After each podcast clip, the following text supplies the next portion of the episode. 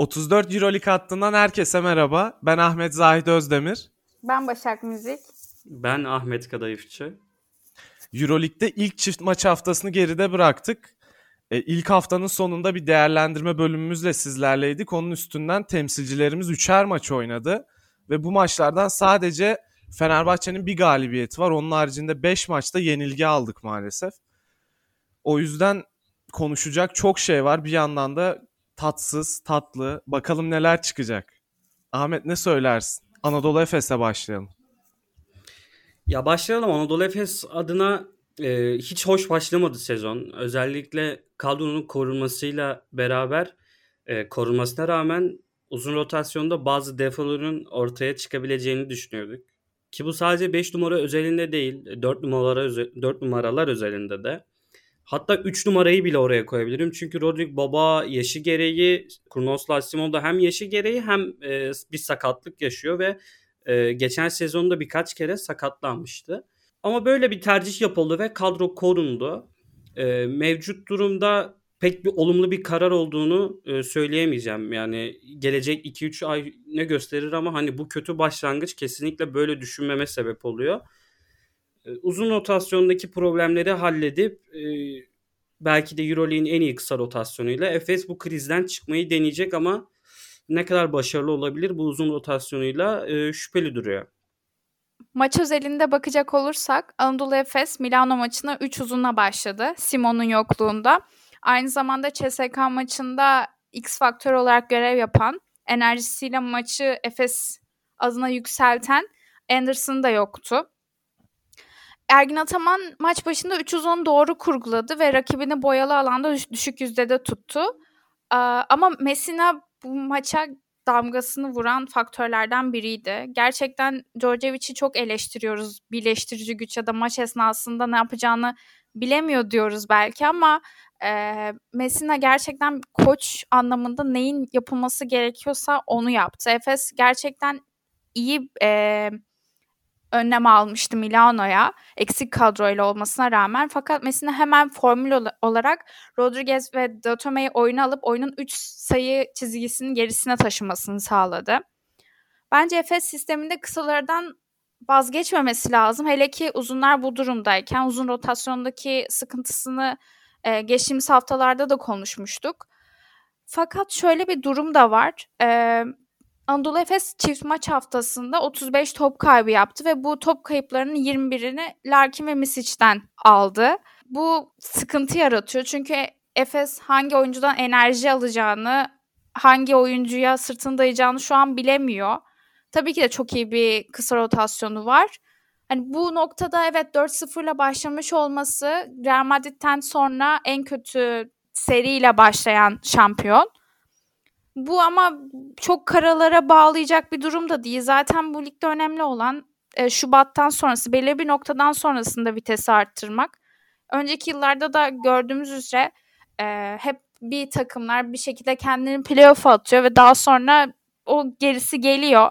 Yani şu an çok kötü diye bir senaryo söyleyemeyiz fakat uzun rotasyonu konusunda Efes'in problemleri var. Ben bu noktada pek katılmıyorum. Bence karaları bağlayacak bir süreç devam edecektir Efes için. Çünkü ben de kötü başlangıç bekliyordum. Hem fikstür zordu hem kadroda rehavet olabilir mi diye düşünüyordum. Bu rehavet şeklinde değil tam tersi defoların ortaya çıkması şeklinde oldu belki. Ama Anadolu Efes şu anda her ne kadar önünde işte Unix kazan, Jalgiris, Panathinaikos gibi maçlar olsa da yani daha kazanabileceği maçlar olsa da şu anki sıkıntıları daha bütüncül sıkıntılar. Uzun rotasyonundan başlayayım ben çünkü gerçekten uzun rotasyonundaki sıkıntılar sadece bir savunma eksikliği ya da bir işte hücumda yapılan ortaya çıkan bir defo ya da sadece rebound sıkıntısı değil. Hepsinin birleşimi. Ee, yani 5 numarada sayacağımız 3 isim Petrushev, Dunstan, Plyce. 4 numarada da Muerman ve Singleton. Yani bu 5 isimden hiçbiri tam anlamıyla tatmin edici performansla başlamadı. Belki Plyce'ın Milano maçında biraz öne çıktığı anlar oldu. Belki e, Asvel maçında yer yer öne çıktığı anlar oldu diğer uzunların. Ama baktığımız zaman şu e, baktığımız zaman pick and roll savunmasında 1 ve 5 pick and roll'unda doğrudan uzunun kolay bir şekilde sayı atma e, senaryosunu çokça izledik. 3 maçta da bu son 3 maç için konuşursak bu son 3 maçta bunu çok gördük. E, keza Milano maçında 3 uzunla oynam e, e, Anadolu Efes'in 3 uzunla oynamasından dolayı biraz daha farklı bir durum vardı. Boyalı alana girmelerinden ziyade üçlük üç çizgisinin dışından şutlar buldular. Ki bu noktada da zaten çözüm üretmekte çok sıkıntı yaşadı Ergin Ataman. Hani orada sakatlık faktörüyle Anderson'ın da yokluğuyla belki biraz anlayış gösterilebilir ama e, çok temel olan pick and roll hücumunu bu kadar kötü savunmak ve bunu çok basit sayılarla direnç kırıcı hale getirmek Efes'in canını çok yakıyor. Bu noktada kısaların da aslında oradaki eforu çok değerli. Çünkü e, pick and roll savunmasında switch yapmayan bir takım Anadolu Efes. Switch yapılmadığı için kısaların gösterdiği fiziksellik daha da büyük değer kazanıyor. Hem kısanın karşısına kalmak hem de o uzunun devrilmesini biraz zorlaştırmak açısından söylüyorum bunu. Keza yapılan en ufak yardımda sürekli ceza şütörü bulabiliyor rakip takımlar. Yani rakip özelinde konuşmaktan ziyade bu sıkıntı benim çok canımı sıkıyor. Öte yandan Başak'ın bahsettiği o top kaybı sıkıntısından bahsedeceğim. Yani Anadolu Efes beklenenden fazla top kaybediyor. Daha da kötüsü çok kötü geri koşuyor. Geri koştuğu zaman da çok kötü adam paylaşıyor. Yani hiçbir şekilde savunmaya böyle olumlu bir etki yapacak bir, şey yapamıyor Anadolu Efes şu anda.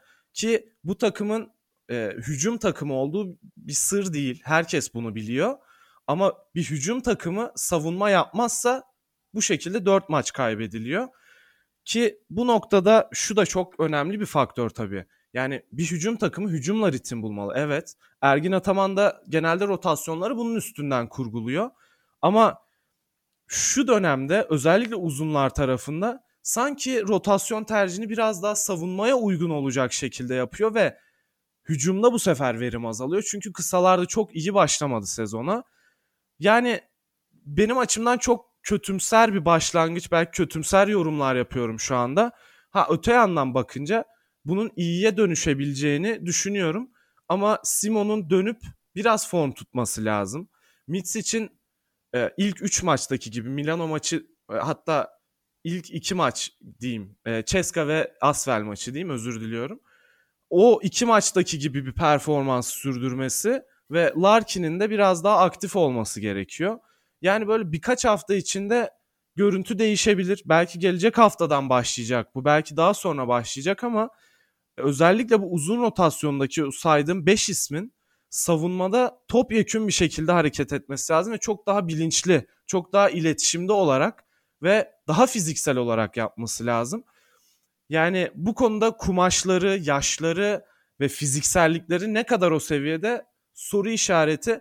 Bunun da e, bir transfer ihtiyacı var mı yok mu bence birkaç hafta içinde daha net bir cevap alacağımızı düşünüyorum ben.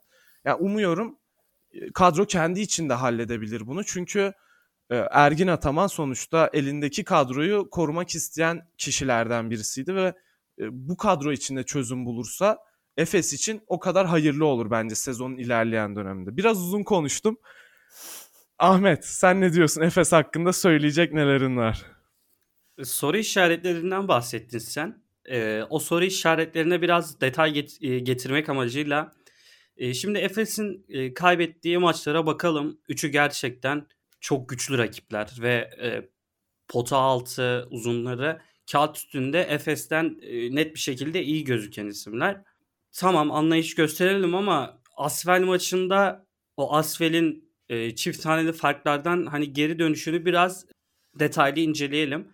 E, Kostas Antetokounmpo gibi e, tamam genç atlet ama oyun bilgisi ve e, oyun tecrübesi Efes'in Dunstan ve Plyce gibi uzunlarından aşırı eksik olan bir ismin o spacing'i yaratıp potu altındaki o yıpratıcılığı yaratıp kısalarını rahatlatıp Efes kalitesindeki bir takıma karşı bu geri dönüşe e, çok büyük katkısının olduğunu görmek beni biraz rahatsız etti. Milano maçında ise ilk çeyrekte gerçekten çok fazla hücum ribandı aldı Milano. İkinci şans sayılarını belki çok değerlendirememeleri ilk çeyrekte e, farkın açılmasını engelledi. Yani çeyreğin sonuna kadar e, Efes önde götürmüştü. E, yani peki bizi neler bekliyor uzun rotasyonda? Şimdi Dunstan bacaklar artık eskisi kadar gitmiyor. Yani uzunlara yetişemiyor ki o uzun eğer şütörse e, Dunstan'ın hani vay halini diyebiliyoruz. Tibor Plyce ise biraz kırılgan bir oyuncu. Yani kendinde olmadığı zaman savunmadaki adamını çok rahat kaçırıyor. İşte o da keza hani boyundan da kaynaklandığı üzere atletik bir oyuncu değil. O da oyuncusunu takip etmekte zorlanıyor. Hani Petrushev fizik olarak hem Dunstan'a hem Plyce'a göre yaşından da dolayı çok daha iyi gözükse de e, Petrushev'in de bir e, Euroleague tecrübesi yok ve hani on, çok genç bir oyuncu yani. Ondan beklenti e, Anadolu Efes gibi bir takımın sürükleyici uzunu olabilir mi? Bence olmamalı. Başta olamaz diyorum olmamalı. Çünkü burada Petrushev'e de yüklenmemek lazım. İşin savunma boyutunda bazı işleri çözüp geçen sene o Sertaç'tan alınan hücum verimini bence Petrushev'den almaya odaklanmak lazım. Yani Petrushev'den e, savunmada izlerken e, ne kadar rahatsız olursak olalım e, hücum argümanları bence bu yaştaki bir oyuncu için gayet iyi. Kendi kariyeri açısından NBA beklentisi de olan bir oyuncu. Yani belki burayı bir basamak olarak görmüş bile olabilir. Bunu geliştirmeye yönelik adımlar atmak lazım. O kısalarla olan pick and roll oyunlarına incelemek lazım. Geçen haftaki Euroleague hatta bu haftaki Euroleague 101 bölümünde e, Buğra çok güzel bir ifade kullandı. Pick and roll oyunu ne kısanındır ne uzunundur. Sadece hücum edebilmek için hem uzunu hem kısaya aktif şekilde kullanabileceğiniz çok güzel bir fonksiyondur şeklinde. Ya Anadolu Efes'te şu an ben bu fonksiyonu işlediğini e, pek göremiyorum. Bu oyunları Petrushev'le e, geliştirebilmesi lazım Efes'in. Çünkü Dunstan ve Plyce'dan artık o hücum performansını beklemek bence oyunculara da gereksiz bir baskı yaratır. Yani oranın skor yükünü çekmesi gereken oyuncu bu kadroda bence Filip Petrushev. 4 numaralara gelince Chris Singleton ve Adrian Muharman gerçekten hiç formda değiller. Yani kafalarını ne savunmaya veriyorlar. Rahat şutları bulması, bulmasına bulmalarına rağmen o şutları da sayıya çeviremiyorlar. Hani böyle olunca orada gerçekten bir konsantrasyon eksikliği görebiliyoruz. Oyuncular da iyi hissetmiyorlar. Yani Milano maçının e, sonunda gördük çeyreği Tolga geçimle tamamladık. Çünkü o iki şutu soktuğu için. Ki öyle de olmalıydı. Mecburen Tolga geçimi orada bulunduruyorsunuz. E, ne bekleyebiliriz? Şimdi iç sahada bir Unix kazan maçı var. Burada e, Sinon ne zaman dönecek bilmiyorum ama orada uyumlu bir basketbolla galibiyet. Yani Fenerbahçe'nin Ünlüz kazanı yendiği gibi bir şey e, beklemiyorum kesinlikle. Sadece bence bence Perasovic Anadolu Efes'e eski dostuna güzel bir kıyak yapar ve kötü maç yönetir gibi geliyor bana bir de. yani 40 sayılık bir maçtan sonra kötü bir maç yönetebileceğini düşünmüyorum. Çünkü geçen maç sonunda kulüpten özür diledi yani. Maç sonu direkt açıklaması buydu. Buradan bilmiyorum nasıl döner. Tamam canım 40 sayı olmaz 20 sayı olur. 15 sayı olur. Çok sıkıntı değil bence. Ya sayı bence hiç önemli değil. Yani benim demek istediğim nokta Anadolu Efes gibi oynayıp o maçı kazansın. Yani 5 de olabilir, 10 da olabilir, 45 de olabilir. Hani demek istediğim nokta bu. Hani uzunların kısalarıyla olan uyumu, 4 numaraların kendisi gerçekten boş gelen şutları sayıya çevirmesi Anadolu Efes için belki bir çıkış noktası olabilir diye düşünüyorum ama şimdi Başak karalar bağlamayalım demişti. Zahit de karalar bağlayabilecek bir durumdayız demişti. Ben biraz karaların e, bağlanabilmesi gereken taraftayım. Ama Efes çok kaliteli bir kadroya sahip ve bu krizden nasıl çıkmak isteyeceklerini e, hep beraber göreceğiz. Efes'le alakalı ekleyeceğiniz bir şey yoksa buradan da Fener'e geçebiliriz. Abi şunu söyleyeyim. E, Petrushev ilgili yorumuna benim bir yorumum var. Petrushev pick and roll'da etkili olsun ya da olmasın. Önce pick and roll savunmasını biraz öğrensin. Ondan sonra hücum tarafı zaten Anadolu Efes'te çözülmeyecek iş değil gerçekten. Hani kısalar biraz birebir e, yani direkt perde çıkışı şutlar olsun. Daha böyle basit birebirler olsun. Bunlardan ayrışıp başka opsiyonlara yöneldiğinde Anadolu Efes zaten kendi içinde onları çözecek bir takım. Ama biraz Petrushev özelinde pick and roll savunması bayağı önemli bir detay. E, Fenerbahçe Beko'ya geçelim. Fenerbahçe haftayı yenilgiyle açtı. Sonrasında Unix kazanı 39 sayı farkla yendi. E, o açıdan da ilginç aslında. Hani bizim de ne konuşabileceğimiz gerçekten soru işareti haline geldi. Çünkü çok farklı görüntüdeydi takım e, iki maçta. E, Anadolu Efes'te biraz uzun uzun konuştuk. Çok baş ağrıttık belki. Biraz Fenerbahçe Beko'da soru cevap şeklinde yapalım diyorum. Ben önce Başak sana sormak istiyorum. Djordjevic bu 4 haftada seni tatmin etti mi? Ettiğini sanmadığım için tatmin etmediği noktalar neler? Ne düşünüyorsun Djordjevic hakkında? Ben açıkçası ilk e, takım başına geldiğinde de çok fazla olumsuz düşünmemek taraftarıydım. Bilmiyorum yani gerçekten bu podcast'in en olumlu insanı olabilirim her iki, her iki konuda da. E, oyuncular bu sezon boyunca verdikleri her röportajda Djordjevic'in e, savunmayı ön planda tuttuğunu bahsetmişti. E, savunmanın üst seviyelerde olması Djordjevic'in kendi kurmadığı bir takımda bir çıkış yolu olabilir. 39 sayılık bir galibiyette bile takımın iyi bir reaksiyon göstermesi. Yani hala e, bir kişi üzerine çalışmaması, bir kişinin maçta sivrilmemesi ya da takım halinde hareket edilmesi, takım halinde başarılı olması bu hissiyatın e, oluşmuş olduğunu gösteriyor ve bu Fenerbahçe açısından olumlu. E, Fenerbahçe adına ihtiyaç olan bir galibiyetti ama dediğimiz gibi e, Alba maçından sonra çok uç bir noktaydı. Kazan'ın e, kötü oynaması sonrasında gelen bir farklı mağlup farklı galibiyet.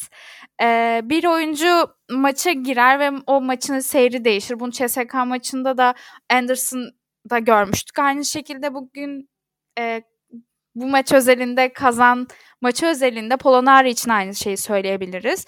Djordjevic'in hep beğendiği işler enerjisini sahaya yansıtan oyuncular oldu. Aynı zamanda Ahmet'in de çok iyi bir performansı oldu. E, 10 sayı 8 rebound ve daha sonra e, çıkarttı alkışlatmak için oyuncuyu. Aynı zamanda bu maçta Şemuz'u da kullandı. Şemuz da gerçekten geçtiğimiz sezonda gördüğümüz üzere enerjik bir oyuncu. Ona alan yaratmaya çalışıyor.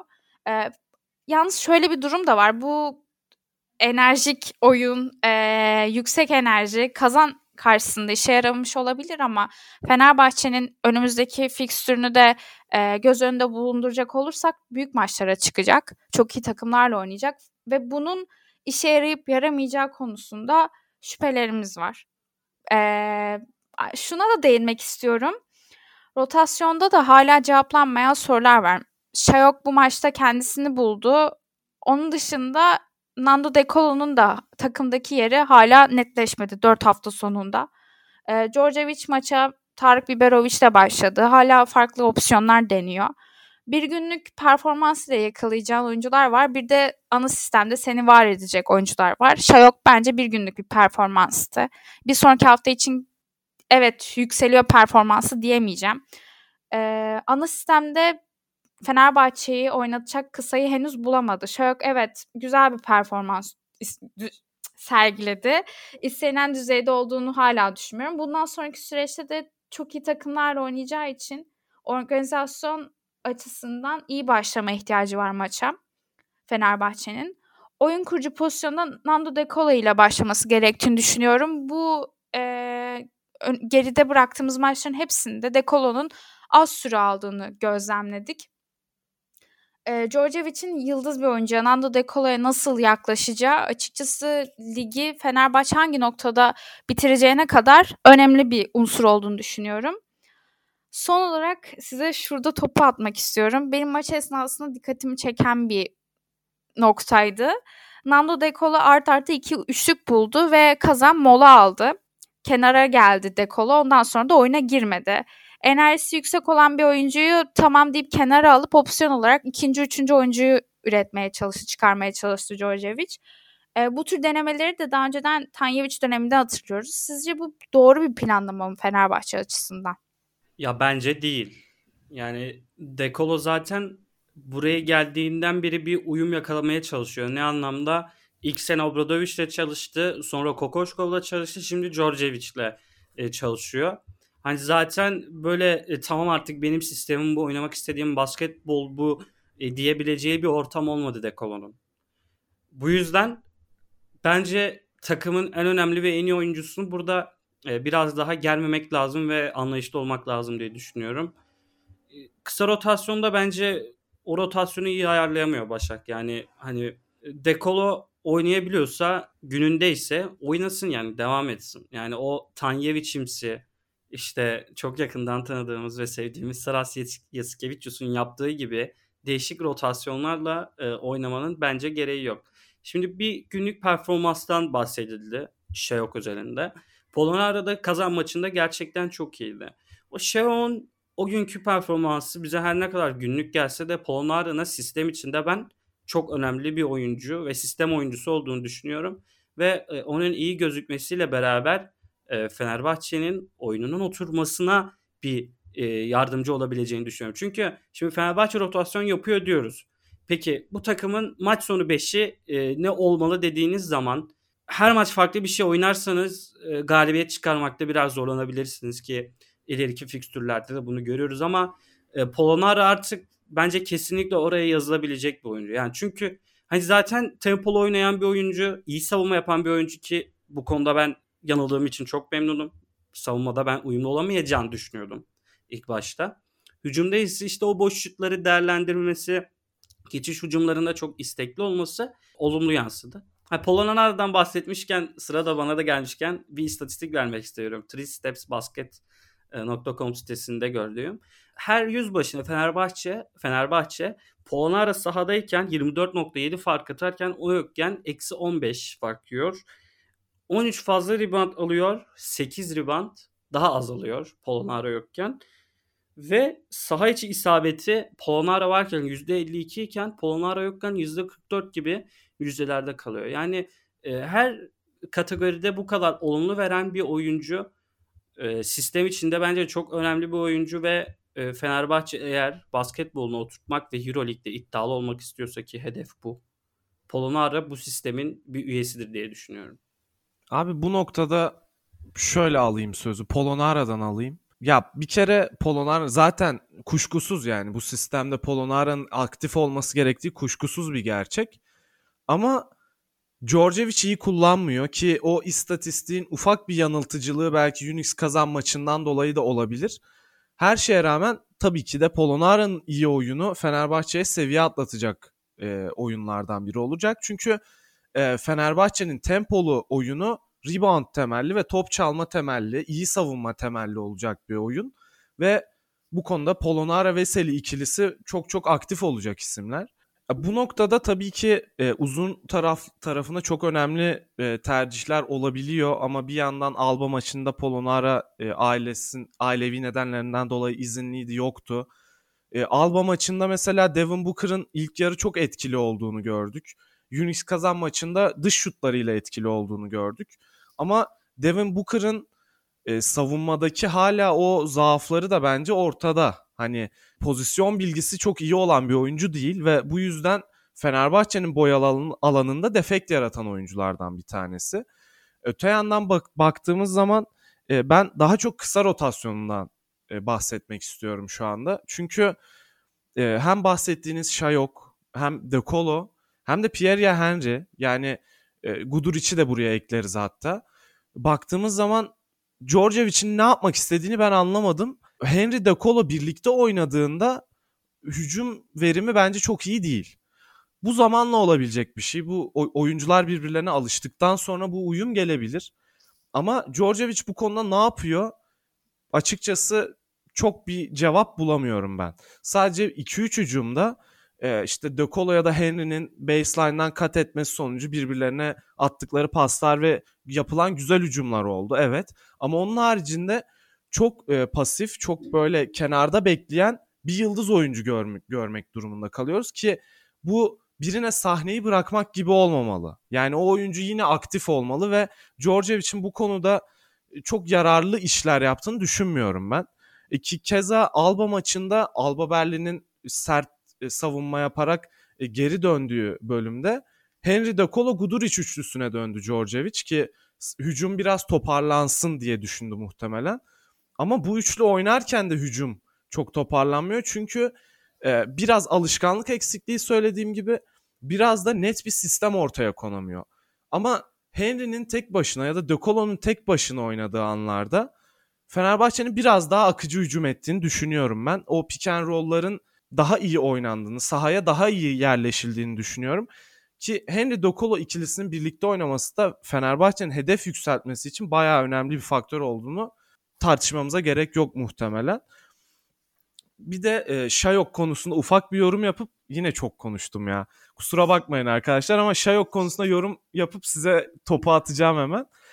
E, ben Şayok'un günlük performans açısından değerlendirilmesini çok doğru bulmuyorum. Çünkü Şayok Pierre birlikte oynarken Fenerbahçe inanılmaz bir kanat savunması vaat ediyor ki yani bunu ilk haftalarda ne kadar gördüğümüz çok önemli değil. Geleceğe yönelik düşündüğümüzde istikrarlı Şayok ve istikrarlı Pierre Fenerbahçe Beko'nun savunmasını yükseltecektir. Ki bu ikilinin Dekolo ile birlikte oynadığı anlarda Dekolo'nun savunma zaafını da kapatıp e, Fenerbahçe'nin daha tempolu, daha baskılı bir savunma yaparak hücuma da daha tempolu çıkmasını sağlayacak bir faktör olabilir. Ki bu bence oldukça önemli. Hani Şayok Euroleague'de ilk sezonunu geçirse de bence ondan bir istikrar gerekiyor. Tabii ki bu bir beklenti olarak. Yani ben sadece bunu beklenti olarak söylüyorum ki çok da imkansız gelmiyor bana. İlk başta biraz istikrarsız başlasa da zamanla olabilecek bir şey bence bu. Şuna değinmek istiyorum. İlk haftalarda da belirtmiştik Dekolo Henry'nin top paylaşımı konusunda sıkıntı yaşadığını ve şu an 4 hafta sonunda şunu gözlemleyebiliyoruz. Bir 5 var. Dekolo, e, Guduric ve Selin'in olduğu. Bir de ayrı bir 5 var. Henry ve Booker'ın yer aldığı. Çünkü Henry ile Veseli'nin tam olarak uyumu e, oluştuğu söylenemez. Veseli daha çok Dekolo gibi oyunculara hani ikili oyunla e, daha parladığını, daha iyi performans gösterdiğini görebiliyoruz. Ve şunu da gözlemledik. Dekolo ne zaman iyi bir performans sayı atabiliyor, kendini gösterebiliyor. Bu geçtiğimiz sezonki e, hücumlara benzer durumlar gerçekleştiğinde ondan tekrar katkı alabiliyor Fenerbahçe. Ama böyle 2-5 arasında keskin bir çizginin olması yani e, bu kırla Veseli'nin kullanım, kullanılamaması ya da e, Henry'nin Veseli ile ikili oyunları ya da Veseli'nin Henry'e daha alışmamış olması Fenerbahçe için dezavantaj. Yani 40 sayıya dayanmış bir maçta iki katının rakibin iki katı sayı atılan bir maçta neden daha sonrasında farklı opsiyonlar denenmedi? Ben bunu görmek isterdim açıkçası. Yani dekoloyu şuraya koyayım şöyle bir deneyeyim gibi.